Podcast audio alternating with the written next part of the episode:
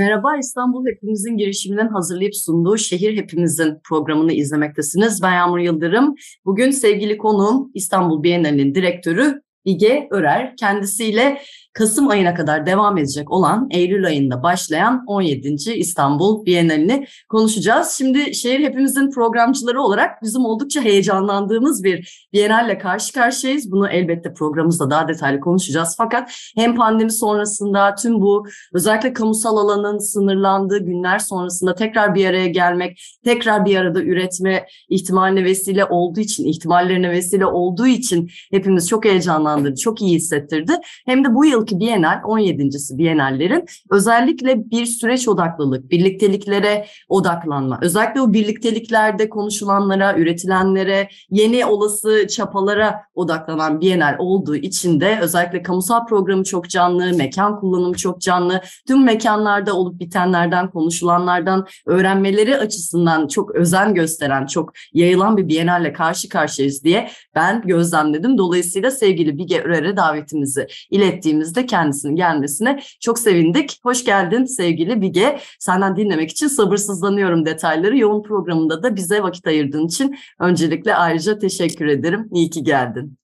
Çok teşekkürler Yağmur. Benim için de bir zevk bu programın konu olmak. Ee, çok teşekkür ederim davetiniz için. Biz çok teşekkür ederiz. Ee, bizim rejimizde de her zaman gibi Ali Vatansever var. Kendisiyle daha önceki Bienalleri de konuşmuştunuz. Bunları da izleyiciler için not etmiş olalım kayıt arşivimizden izlemek isterlerse. Tekrar biz 17. E, Bienalinin e, İstanbul Bienalinin konusuna geri dönelim diyeceğim. Çünkü genellikle Bienallerde bir küratöryel ekip ve bir tema başlığı olur. Bu seneki Biennale'in 17.sinin küratöryel ekibi Utemete Bauer, Aman Kanvar ve David T. Fakat bu seneki Biennale'in bir tema başlığı yok ki bu da aslında Biennale'in yaklaşımıyla ilgili bizlere ipuçları veriyor değil mi deyip ben biraz böyle bu temasızlık ve biraz kavramsal çerçeveyi açman için sana ilk sorumu sorayım. Evet, çok teşekkürler Yağmur. Ee, bu Bienal aslında e, hazırlık çalışmalarına başladığımızda e, henüz daha pandemi ilan edilmemişti. Covid-19 e, sağlık krizi bütün dünyayı sarmamıştı ama e, çok yaklaştığında bir yandan e, hissediyorduk. Ve e, geçen Biennale'de aslında e, gündeme getirmeye, daha dikkat çekmeye çalıştığımız iklim krizi, ekolojik kriz, e, bütün dünyada e, hissettiğimiz eşitsizlikler, e, siyasi sorunlar, sanatın bütün bu aslında meselelerle olan ilişkisini e, bu Biennale'de bu Biennale'de de aslında bu tartışmaları sürdürmek, bu konuları bir arada düşünmek e, isteğimiz vardı. Biraz da Batı dışındaki aslında alternatif sanatsal pratiklere bu Biennale'de yer vermek istiyorduk ve bu sebeple de e, Singapur'da çalışmalarını sürdüren Otemete Bauer ve David Tay ile birlikte e, Delhi'de e, yaşayan ve çalışmalarını sürdüren Amar Kanvar, bir sanatçı olan Amar Kanvar'ı davet ettik. E, ve e, Biennale ilgili işte konuşmalarımıza başladığımızda kendimizi bir anda aslında hepimiz evlerimizde e, dışarı çıkamayacak ve e, bir gün sonrasında aslında e, tam da planlayamayacak bir şekilde bulduk. Gelecekle ilgili bir e, plan yap yapmak iki sene sonrası için mümkün bile değildi. Ve e, sanat sisteminin de sanatçıların, sanat dünyasının ne kadar böyle bir dönemde kırılgan olduğunu, ne kadar zorluklar yaşadığını da hep beraber deneyimledik ve bir yandan bir şeyler yapma çabasındaydık. Bir yandan da bu yapacağımız şeylerin de anlamlı hareketler olmasını da istiyorduk. Ve e, pandemi sonrasında aslında pandemi sonrası olduğunda sanat dünyası hepimiz bu süreçten ne öğreneceğiz? Neyi farklı bir şekilde yapmanın anlamını anlamını yaşamış olacağız. Bu soruları da kendimize soruyorduk ve biraz böyle hani sistemsel değişiklik için aslında neye ihtiyaç var? Nedir bu dünyanın krizinin sebepleri? Farklı bir şekilde neleri tahayyül edebiliyoruz? Bu soruları hep birbirimize soruyorduk. Uzun toplantılar yaptık böyle online kanallar üzerinden. Hem küratöryel ekip, Biyanel ekibi ve daha sonra da İstanbul'dan aslında çok çeşitli kişileri, araştırmacıları küratöryel ekiple buluşturduk. Davet ettiğimizde katılımcılarla bu tür diyalogların e, gelişmesi için çaba harcadık. Yani o anlamda böyle bu Biennale'in tek bir başlığının ve tek bir e, böyle e, aslında tanımlanmış bir kavramsal çerçevesinin olmaması fikrini küratöryel ekip bize önerdiğinde bunu da kucaklamak istedik. Bu Bienal 17. İstanbul Bienali çok farklı bir aslında durumda, bağlamda gerçekleştirilmek durumunda kaldı. İşte normalde iki senede bir gerçekleştirilen Bienal bu sefer üç sene hazırlık sürecine yayılmak durumunda kaldı, ertelemek durumunda kaldık. Yani biraz bu anın aciliyetine, aslında gerekliliklerine kulak vererek, bunu dinleyerek bu e, programı kurguladık ve o anlamda da bazı projelerin e, fiziksel sergilerin gerçekleştiği zamandan daha önce başlaması, sonrasında Biennale'in e, tarihleri, resmi tarihlerinin dışında da devam etmesi, yani o anlamda böyle Biennale'in aslında farklı fikirlerinin, e, farklı programlarının sürece yayılarak uzun soluklu bir şekilde devam ettiklerine e, de dikkat çekmek e, temel önceliklerimizden biriydi diyebilirim. Hı hı. Evet e, ki özellikle bu e, mekanların girişlerinde de görebilecekleri izleyicilerine bizim de ilk başlangıçta gösterdiğimiz bir metin var. Orada da vurgulanan küratörye bir kısa metin.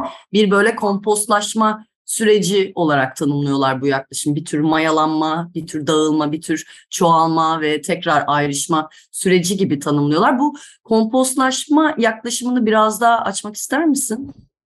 Tabii ki. E, kompost bildiğimiz gibi tarımdan aslında ödünç aldığımız bir bir kavram ve e, bir takım işte artıkların e, bir araya gelmesi ve ondan sonra aslında o e, artık belki faydalı görülmeyen kimi zamanda e, malzemelerin, organik atıkların e, farklı bir şeye dönüşme ihtimali ve toprağa besleyici e, bir e, aslında besleyici bir hale dönüşmesi.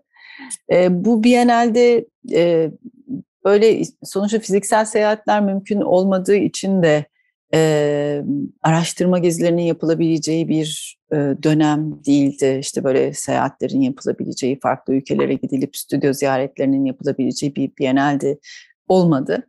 E, o anlamda da küratöryel ekibin önerisi hali hazırda e, uzun soluklu devam eden, kimi zaman araştırma projeleri, kimi zaman arşiv projeleri, kimi zaman İstanbul'da, Türkiye'de e, daha önceki senelerde gerçekleşmiş olduğunu bildiğimiz ve devam etmesini arzu ettiğimiz e, sanatçı ya da katılımcıların projeleri, onları e, desteklemek, onları Biennale birlikte aslında farklı kişilerle, yapılarla, benzer meselelerle ilgili çalışan kimi zaman sanatçı kolektifleriyle bir araya getirerek aslında bu diyaloglardan neler çıkabileceğini e, görmek, bir tür deneyim paylaşımı, bilgi paylaşımı, birlikte aslında yeniden bir bilgi üretimine, sanatsal üretime de e, sonuç verebilen aslında çalışmaları e, kucaklamak olarak tanımlayabiliriz. E, yani burada önemli olan hani bu Biennale'de yepyeni bir iş üretmek olmadı e, bizim için de. E, kendi yerel bağlamlarında dönüştürücü etkileri olan çeşitli projelerin aslında e, Biennale birlikte yolu kesiştiğinde onları nasıl belki böyle bir farklı bir olumlu katkı sağlanabilir? İşte Türkiye'den sanatçılarla, akademisyenlerle, yazarlarla, şairlerle karşılaştıklarında bu diyaloglar neye evrilebilir? Aslında bunu bunu desteklemek, teşvik etmek istedik diyebilirim. Evet çok güzel bir açıklama oldu böylece hani bu Biennale'in temasız daha süreç odaklı daha o birliktelikler odaklı yaklaşımına dair de biz pek çok ipucu aldık ki benzer şekilde de deneyimlerim gözlemlerim olduğunu ben paylaşmak isterim özellikle bu hani pek çok farklı mekanın kullanılması, yalnız senin de vurguladığın gibi Biennale'in sürecine ya da o mekanlara sıkışıp kalan ya da o şekilde belirlenen bir e, sergi yaklaşımı değil daha çok hani o andan beslenen daha farklı zaman dilimlere kendi mecralarına ya da kendi süreçlerine yayılmasına da izin veren bir burada küratöryel tavır gözlemlediğimizi söylemek oldukça mümkün. Mekan kullanımlarını da buradan geçebiliriz. Belki bazı işler özelinde de bunları konuşmak mümkün. Yine benim e, çok dikkatimi çeken belki pandemi sürecinde de hazırlığın gerçekleşmesinden dolayı olabilir. Yoğun bir arşiv ve araştırma sergilerinin olduğunu, katılımcıların olduğunu görüyoruz ve yine senin de bahsettiğin gibi işte bu daha e, postkolonyal bir yaklaşımı ve katılımcıların da böyle bir çeşitlilik içermesi güdüldüğü için bir araya gelen o farklı arşivlerin çok farklı bağlamlarda ama ortak dertlerle ya da ortak bir mücadelede bir araya geldiğini yine gözlemlemek benim için hani e, ilginç bir gözlem oldu diyeyim bu Biennale'de. Biraz bu hani işlerin her birinin içeriğine elbette değinmek mümkün değil ama bu farklı mecralara, farklı tavırlara, yöntemlere, sergileme biçimlerine yer vermenizi aktarmak ister misin? Tabii ki biraz aslında Biennale'in kavramsal çerçevesiyle ilgili hani bir giriş yapmış olduk ama bu süreçte böyle çok üzerinde düşündüğümüz konu başlıkları da oldu. Örneğin bunlardan biri Biennale bir gazete olabilir mi? Farklı coğrafyalardan haberlerin paylaşıldığı bir alana dönüşebilir mi? Ve bu yani haber verme, haber alma, haber yapma formlarını e, alternatif şekillerde de düşünebilir miyiz? İşte bir kokuyla acaba bir haber vermemiz mümkün olabilir mi? Ya da bir sesle e, farklı bir şekilde e, duyacağımız bir sesle acaba bu mümkün olabilir mi? Yani bütün e, aslında farklı katılımcılarının katılımcıların da yaşadığı coğrafyalarda belki e, yaşadıkları sorunlarla haberlerin başka araçlarla sürdürülebilmesi mümkün olabilir mi e, sorumuz olmuştu. Bunun dışında öğrenmenin yolları, öğrenmeyi tekrar yeniden düşünebilir miyiz? E, daha geleneksel aslında öğrenme kanalları e, alanlarının dışına çıkarak e, acaba Biennale'i böyle daha alternatif bir öğrenme alanı olarak hayal edebilir miyiz gibi bir sorumuz vardı. E, arşivleme, anarşivleme diğer bir aslında hattı oluşturdu ve geçmişin bilgisini kurumsallaştırmadan yaygınlaştırabilmenin yolları üzerine düşündük ve arşivler neyi muhafaza ediyor, neyi dışarıda bırakıyor ve arşivlere sadece geçmişte olan bir bir veri olarak bakmadan onları hareketli bir hale, daha dinamik bir hale getirebilir miyiz? Onları oyunlar, çeviriler, göçler aracılığıyla e, çeşitlendirmenin yolunu bulabilir miyiz gibi bir, e, bir e, sorumuz vardı. Temel politika, jeopolitika üzerine düşündük ve hayatlarımızı, ekonomilerimizi nasıl daha sağlıklı bir aslında alana taşıyabiliriz sorusunu birbirimize sorduk. Diğer bir aks duyu ötesi estetik üzerine oldu. O da farklı duyularımızla aslında e, hareket edebilir miyiz? Bir ses neleri görmemizi sağlar. Belki işte bir şeyi duyduğumuzda e, bize e, neyi hatırlatır? Bir koku bize ne neyi hatırlatır? O anlamda e, sadece bu Biennale görsel sanatlar alanında gerçekleştirilen bir etkinlik olarak değil, farklı duyuları da harekete geçiren, belki duyular arasındaki aslında iletişimi de teşvik etmek üzere e, çeşitli projelerin hazırlandığı bir alan olarak düşünebiliriz. Bir de e, aslında uzak geçmiş yani alışılmışın dışında e, geleneksel bilgiler, kadim bilgileri tekrar aslında bugüne çağırmak, gelecek için e, kadim bilgilerin bize nasıl e, yol gösterici olabileceğini hatırlamak üzerine de böyle düşündüğümüz bir, bir aks oldu.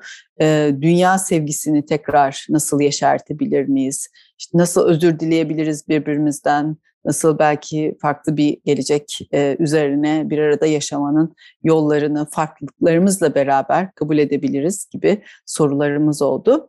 Ve bütün bu aslında sorular ya da bütün bu düşünce ve çalışma e, evremizi belirleyen akslar, e, projeleri davet ederken bu e, konu başlıkları da hep onun e, yani katılımcılarımızla tartışıldı, konuşuldu ve projeler hani tek bir böyle aks e, içine girmedi. birçok aslında e, soruyla şekillendi. Her katılımcının bu konular üzerine e, düşündükleri e, o tartışmalarda, toplantılarda dile getirildi. E, ve farklı formları bu Biennale'de kucaklamak önemli oldu. E, yani sadece bir işte tamamlanmış e, sanat eserleri değil ama e, senin de dediğin gibi Yağmur yani arşiv, e, çeşitli arşiv e, projeleri, e, çeşitli video, belgeseller ama onun dışında basılı malzemeler, dergilerimiz var, kitaplar. E, bu Biennale'in bir yandan odağında okuma, e, okuma ve e, tekrar aslında okuduklarımızı kamusal bir e, alanda tartışmaya nasıl davet edebiliriz sorusu da vardı. O anlamda e, Bienal mekanlarından Barınhan'da ve Küçük Mustafa Paşa Hamamı'nda okuma alanları oluşturduk. Bienal katılımcılarının çeşitli yayınlarına aynı zamanda da bu Bienal kapsamında hazırladığımız yayınlara bu alanlarda yer verdik. Daha e, farklı formlar alan e, projelerimizden işte Cooking Sections'ın bir yandan Türkiye'den araştırmacılarla birlikte e, metabolik aslında araştırmalar sürdüren akademisyenlerle beraber hem onların araştırma sonuçlarının paylaşıldığı hem bir işte Manda Festivali'ne dönüşen bir üretim. Bir yandan e, Tophane'de Boğazkesen Caddesi'nde işte bir muhallebici dükkanına dönüşen bir formda alabildi. O anlamda sanat yiyebildiğimiz, içimize alabildiğimiz bir formada dönüştü. Kimi zaman işte e, Elif ve Evrim'in projesinde olduğu gibi Perform İstanbul'da sergiledikleri projesinde olduğu gibi kentte hassas seslerin peşinden de gittik. E, onların hazırlamış oldukları hassas sesler sözlüğü bu Biennale'de e, farklı katılımcılarla da buluştu. İşte kim zaman kentte yürüyüşlere dönüştü, bir performans çalışmasına dönüştü, bir video e, yerleştirmesine dönüştü ve onların aslında bu araştırmalarının daha uzun zaman devam edeceklerine dair de böyle bir paylaşımı görebilmiş olduk. Yine arşiv çalışmalarından biri Nepal Feminist Kolektifinin hazırlamış olduğu çalışma Pera Müzesi'nde e, sergilenirken İstanbul'dan Kadın Eserleri Kütüphanesi'nin e, arşiv çalışmasının e, üzerine odaklanan Merve Elveren ve Çağla Özbey'in Hem Zemin Hem Zaman isimli çalışmalarında aslında bu kütüphanenin arşivinde diğer olarak tanımlanan, diğer kategorisi alt altında olan malzemelere bakarak e, yine Türkiye'den beş katılımcının e, bu arşiv ile kurdukları ilişkiye ilişki üzerine düşünüldü. O anlamda her e, böyle projede aslında o projenin e, gelişmesine katkı sağlamış olan böyle onlarca yüzlerce kişi olabildi. E, ve o kolektif üretimi aslında bir arada durabilmek, dayanışma, gerçekten bu Biennale'nin böyle merkezinde olan kavramlar olarak gördük.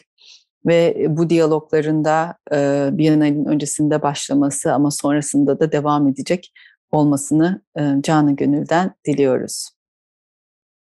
Evet umarız e, pek çok da vesile, pek çok yeni olasılık da yaratıyor gibi görünüyor. Az önce Kadın Eserleri Kütüphanesi'nin, Türkiye'nin tek kadın eserleri kütüphanesi olan muazzam bir arşivi olan e, arşivden özellikle Hemzemin Hamzaman'ın yapmış olduğu e, sergiyi de işi de görmüş olduk. Hemen yanında bahsettiğin gibi Nepal'deki e, feminist mücadeleyi e, ele alan bir arşivleme ve üzerine bir historiografik aslında iş olduğunu söylemek mümkün. Yani bir yandan da bu tesadüfi karşılaşmalarla daha ulus ötesi, daha o süreç odak, daha spekülatif başka türlü tarihler yazıldığını da bu sergide gözlemlemek benim çok e, ilginç bulduğum, e, dikkatimi çeken bir meseleydi. Yine Pera Müzesi mekanlarından biriydi bu sergiler. Pera Müzesi'nin içindeydi. Orada böyle bir daha arşivleme pratiklerinin ya da daha spekülatif tarih yazım pratiklerinin bir araya gelebildiğini örneğin ben gözlemlemiştim. Buradan hani hem bu işlerin bir araya gelmesine hem de mekan seçimlerinize ben gelmek istiyorum.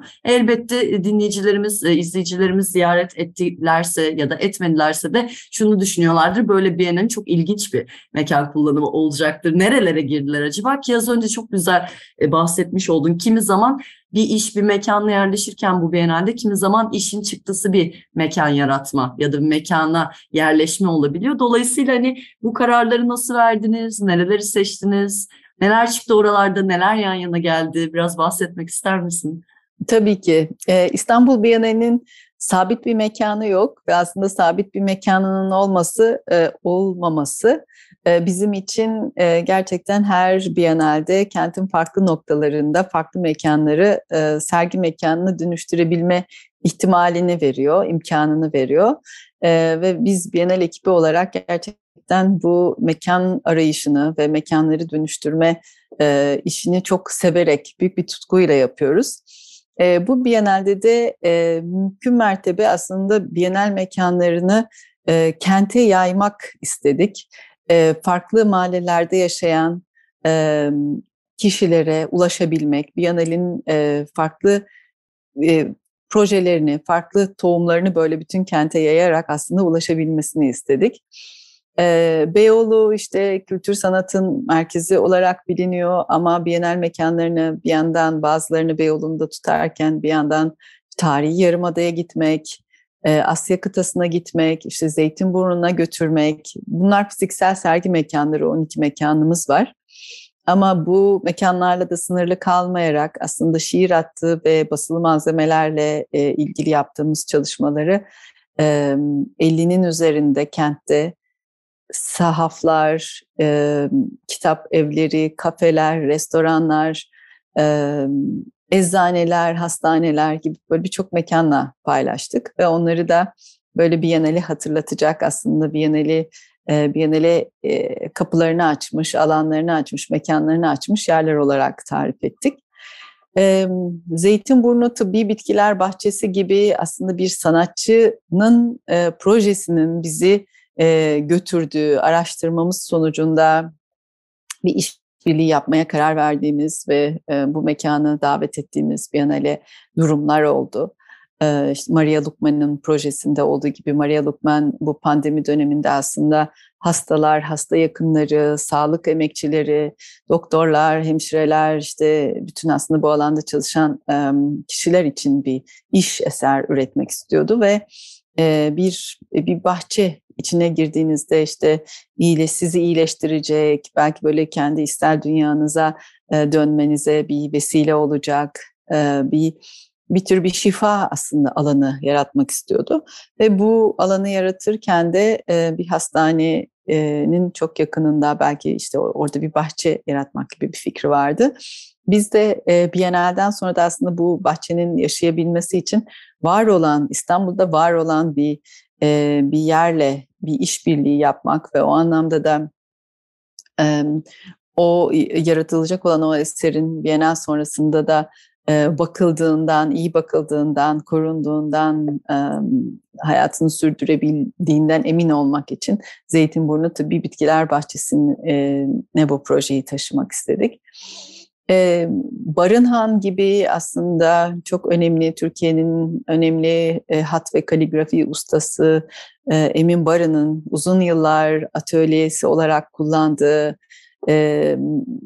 o zamanın önemli isimlerinin her perşembe buluşup işte konuşmalar, tartışmalar düzenlediği bir alanı bu Biennale'in bir mekanı olarak görmek bizi çok heyecanlandırdı. İşte geleneksel olanla modern bir arada nelere, ne tür formlara dönüşebilir.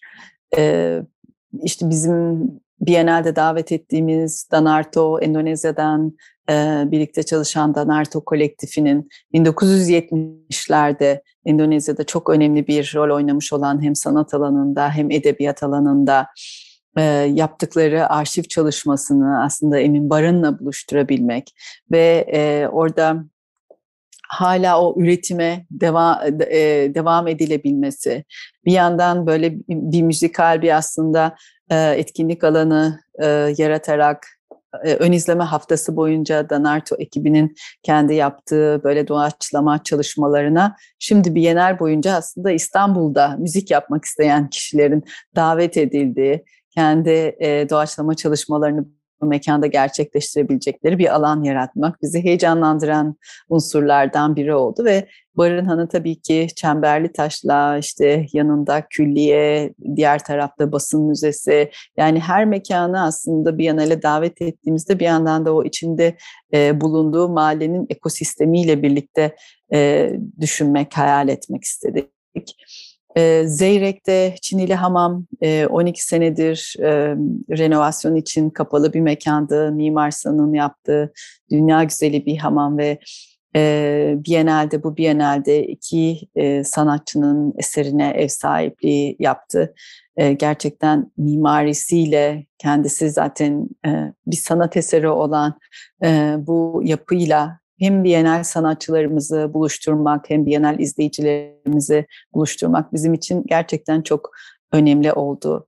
Keza Balat'taki Küçük Mustafa Paşa Hamamı'nda e, Tarık Atuyi'nin e, yaptığı çalışma ve e, aslında çocuklarla ve gençlerle birlikte can kulağıyla dinlemek atölyeleri ne organize ediyoruz ve birçok projede böyle hani Bienal boyunca e, katılımcılarla birlikte aktive edilen, farklı deneyim alanları sunabilen e, bir yapısı var e, projelerimizin. O anlamda da bizi he, heyecanlandıran e, belki bu Biennale'in böyle hani belirleyici unsurlarından biri de hani Biennale'de sergiyi kurduk ve hani tamamlandı ve işte izleyiciyle buluşuyor gibi değil de aslında bu iki aylık Biennale süresi boyunca katılımcılarla birlikte de sürekli gelişen, evrilen, dönüşen e, birçok e, projemiz var. Bu da bizi heyecanlandırıyor.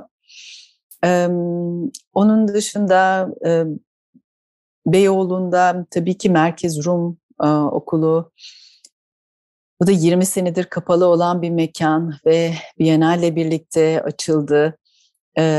Gerçekten e, izleyicilerinin mekanı keşfetmesi, bu mekanın içinden kapılarından girip mekanı izleyebiliyor olmaları ve Marco Scottini'nin Can Altay'la birlikte hazırladığı itaatsizlik arşivini bu mekanda görmek mümkün. Diğer bir mekan işte Taksim Meydanı, Gezi Parkı'nın altındaki metro tüneli, e, yaklaşım tüneli ve orada Carlos Casas'ın e, yerleştirmiş olduğu projeyi deneyimlemek. Yani böylesine bir şehrin aslında meydan, merkez meydanının altında böylesine bir tünelin olduğunu e, keşfetmek, deneyimlemek bile başlı başına bence büyük bir e, büyük bir keyif ve e, heyecan diyebilirim. E, yani o anlamda işte karşı tarafa Asya kıtasına geçtiğinizde müze gazhane geçen Ağustos ayında açılmış olmasına rağmen müthiş bir e, kamusal alan, kültürel alana dönüşmüş bir mekan İBB tarafından e, açıldı ve e, işte iklim müzesi bir tarafta, bir tarafta 24 saat açık olan kütüphanesi, işte açık alanlarında çocukların oyun oynadığı, e, gençlerin kitap okuduğu, işte vakit geçirdiği e, gerçekten çok e, cap canlı bir mekan ve Biennale'in e, bir mekanı olmasını özellikle istedik. Çünkü Asya e, kıtasında da böyle önemli bir e, karma sergi aslında ev sahipliği yapabilecek bir mekanımız olmasını istiyorduk. E, biraz önce e, fotoğrafını gördüğünüz işin bu Bienal boyunca da yine aslında farklı gruplarla aktive edilmesi durumu söz konusu. Yani o anlamda bu Bienal'in kendisinin bir kamusal program olduğunu da söyleyebiliriz. Yani ayrıca bir kamusal programı yok ama her proje zaten başlı başına bir kamusal program ve birçok katılımcıyla birlikte Bienal boyunca böyle sürekli aktive edilerek, sürekli ilişkiye geçilerek başka formlara da dönüşme potansiyeline sahip. Evet harika yani beni çok heyecanlandıran bir başka proje diye bahsediyordun. Ee, Biz de çok heyecanlandıran pek çok e, proje var. Tam dediğin gibi daha önce ben hiçbir metro tüneline girmemiştim ya da Mimar Sinan Çinili Hamamı'nı hep çok merak ederdim. Bu gibi vesilelerle görebilmek hele ki içinde o mekanı özel olarak üretilmiş şahane bir ses yerleştirmesini o Akdeniz'in tuzlu suyun birbirine bağladığı tüm o seslerden toplanmış bir işi deneyimlemek örneğin bambaşka katmanlar ekliyor buna. Dolayısıyla hani İstanbul Bienali'ne de çok müteşekkiriz bu anlamda bize böyle imkanlar, olasılıklar sağladığı için. Şimdi bizim içinde hem kamusal alanın, kamusallığın, koruma meselesinin, mirasın, kentsel müştereklerin, kentli olmanın, kent hakkının üzerinde pek çok farklı söz söyleyen, sorular soran, e, yeni sözler doğuran pek çok farklı iş var, program var. Hani her biri için bambaşka programlar yapılabilir. Şehir hepimizin de çok ilgisini çeken, heyecanlandıran bir Biennale karşı karşıyayız. Süremizin sonuna gelirken, kapatırken özellikle bu pandemi sürecinin sonrasında tekrar bir araya gelme vesilesini sağlaması, tekrar yeni birlikteliklere alan açması üzerine neler gözlemlediniz bir Bienal açıldı, bir süre geçti. Hani biraz ben bu şansımı da kullanarak bu soruyu sormak isterim. Nasıl geçiyor yani neleri, hangi tohumları ekiyor, nasıl bir araya geliyor insanlar? Epey kuyruklar oluyor, epey de ilgi var ben onu gözlemleyebiliyorum. Neler paylaşmak istersin? Sanatçılar geldi, küratörler geldi gitti. Epey canlı bir e, ortam vardı birkaç haftadan beri. Kesinlikle yani pandemi sonrasında hepimizin ne kadar e, bir araya gelmekten mutlu olduğunu, birbirimizin işte gözünün içine bakarak böyle ekranlardan değil hani birbirimizi e, kucaklayarak, birbirimizin kokusunu duyarak ondan sonra bir şeyler e, kimi zaman işte birlikte yemekleri tadarak işte muhallebi, mantıyı böyle hani bizi buluşturan aslında çok temel değerleri hatırlayarak sanırım bu Biennale'nin ilk haftalarını geçirdiğimizi söyleyebilirim. Ee, ve o anlamda da yoğun bir ilginin, böyle e, bir canlılık ve bir enerjinin paylaşıldığını söyleyebilirim. Yani bir arada durmanın ve üretmenin sanırım tekrar böyle e, mutluluğunu paylaştığımız günler oldu. Evet. Evet, yani tabii e, bu zamanlar içerisinde işte Bread and Puppet tiyatrosunun e, gösterileri gibi yaklaşık 60 tane gönüllüyle beraber işte yaklaşık bir aylık bir süre içerisinde hazırlanan ve Santral İstanbul'dan küçük çekmeceye, küçük çekmeceden e, Gazhane'ye kadar böyle İstanbul'un farklı mahallelerinde aslında gezen performanslarda e, izleme fırsatımız oldu. E, Şiir Attı projesiyle birlikte şairlerin aslında üretimlerinin tüm kente nasıl yayıldığını, şiirlerin kamusal alana çıktığında e, ne kadar aslında anlamlı bir şekilde okuyucular tarafından e, kabul edildiğini görmek e, güzeldi.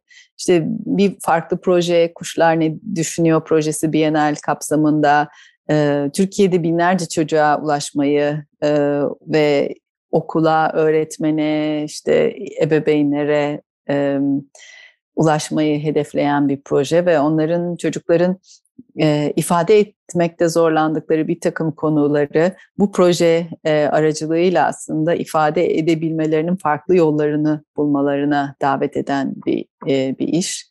E, kuş kuşlar ne düşünüyor? Kuşların aslında ağzından belki çocukların hayallerini, korkularını, endişelerini duymak, onların doğayla, e, hayvanlarla, insan olmayanlarla, insanlarla, kendi yakınlarıyla, uzaktakileriyle kurdukları ilişkiler üzerine e, belki yeni yeniden düşünmeye vesile olacak bir proje.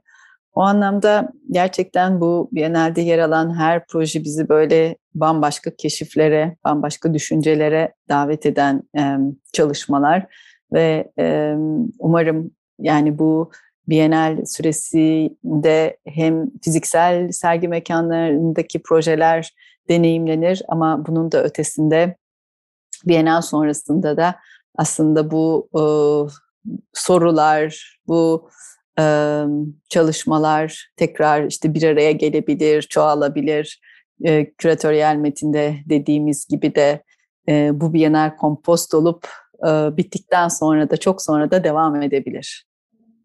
Evet umarız heyecanla e, bekliyoruz önümüzdeki haftaları. Oldukça zengin bir e, programla, oldukça zengin birlikteliklerle, bir söz üretim alanıyla birlikte açtık sonbahar aylarını. Biz de bu vesileyle şehir hepimizin de Bienal devam ederken aralıklı olarak bir seri program gerçekleştirelim. Farklı veçelerine, konularına, kamusal programına bakalım diye bir e, niyetle yola çıktık. Bu da ilk programımız olmuş oldu. Sevgili Bilge Örer'le birlikte Bienal'in yaklaşımlarını, hassasiyetlerini, e, yöntemlerini konuşmuş olduk. Çok teşekkürler, çok cömertçe paylaştığın için bizimle. Ben çok teşekkür ederim Yağmur. Çok teşekkürler Ali. Sağ olun davetiniz için tekrar. Biz çok teşekkür ederiz. Sevgili Ali Vatansever'le birlikteydik rejide. İstanbul Bienali Direktörü Bige Örer bu programda konumuz oldu. Ben Yağmur Yıldırım. Hoşçakalın.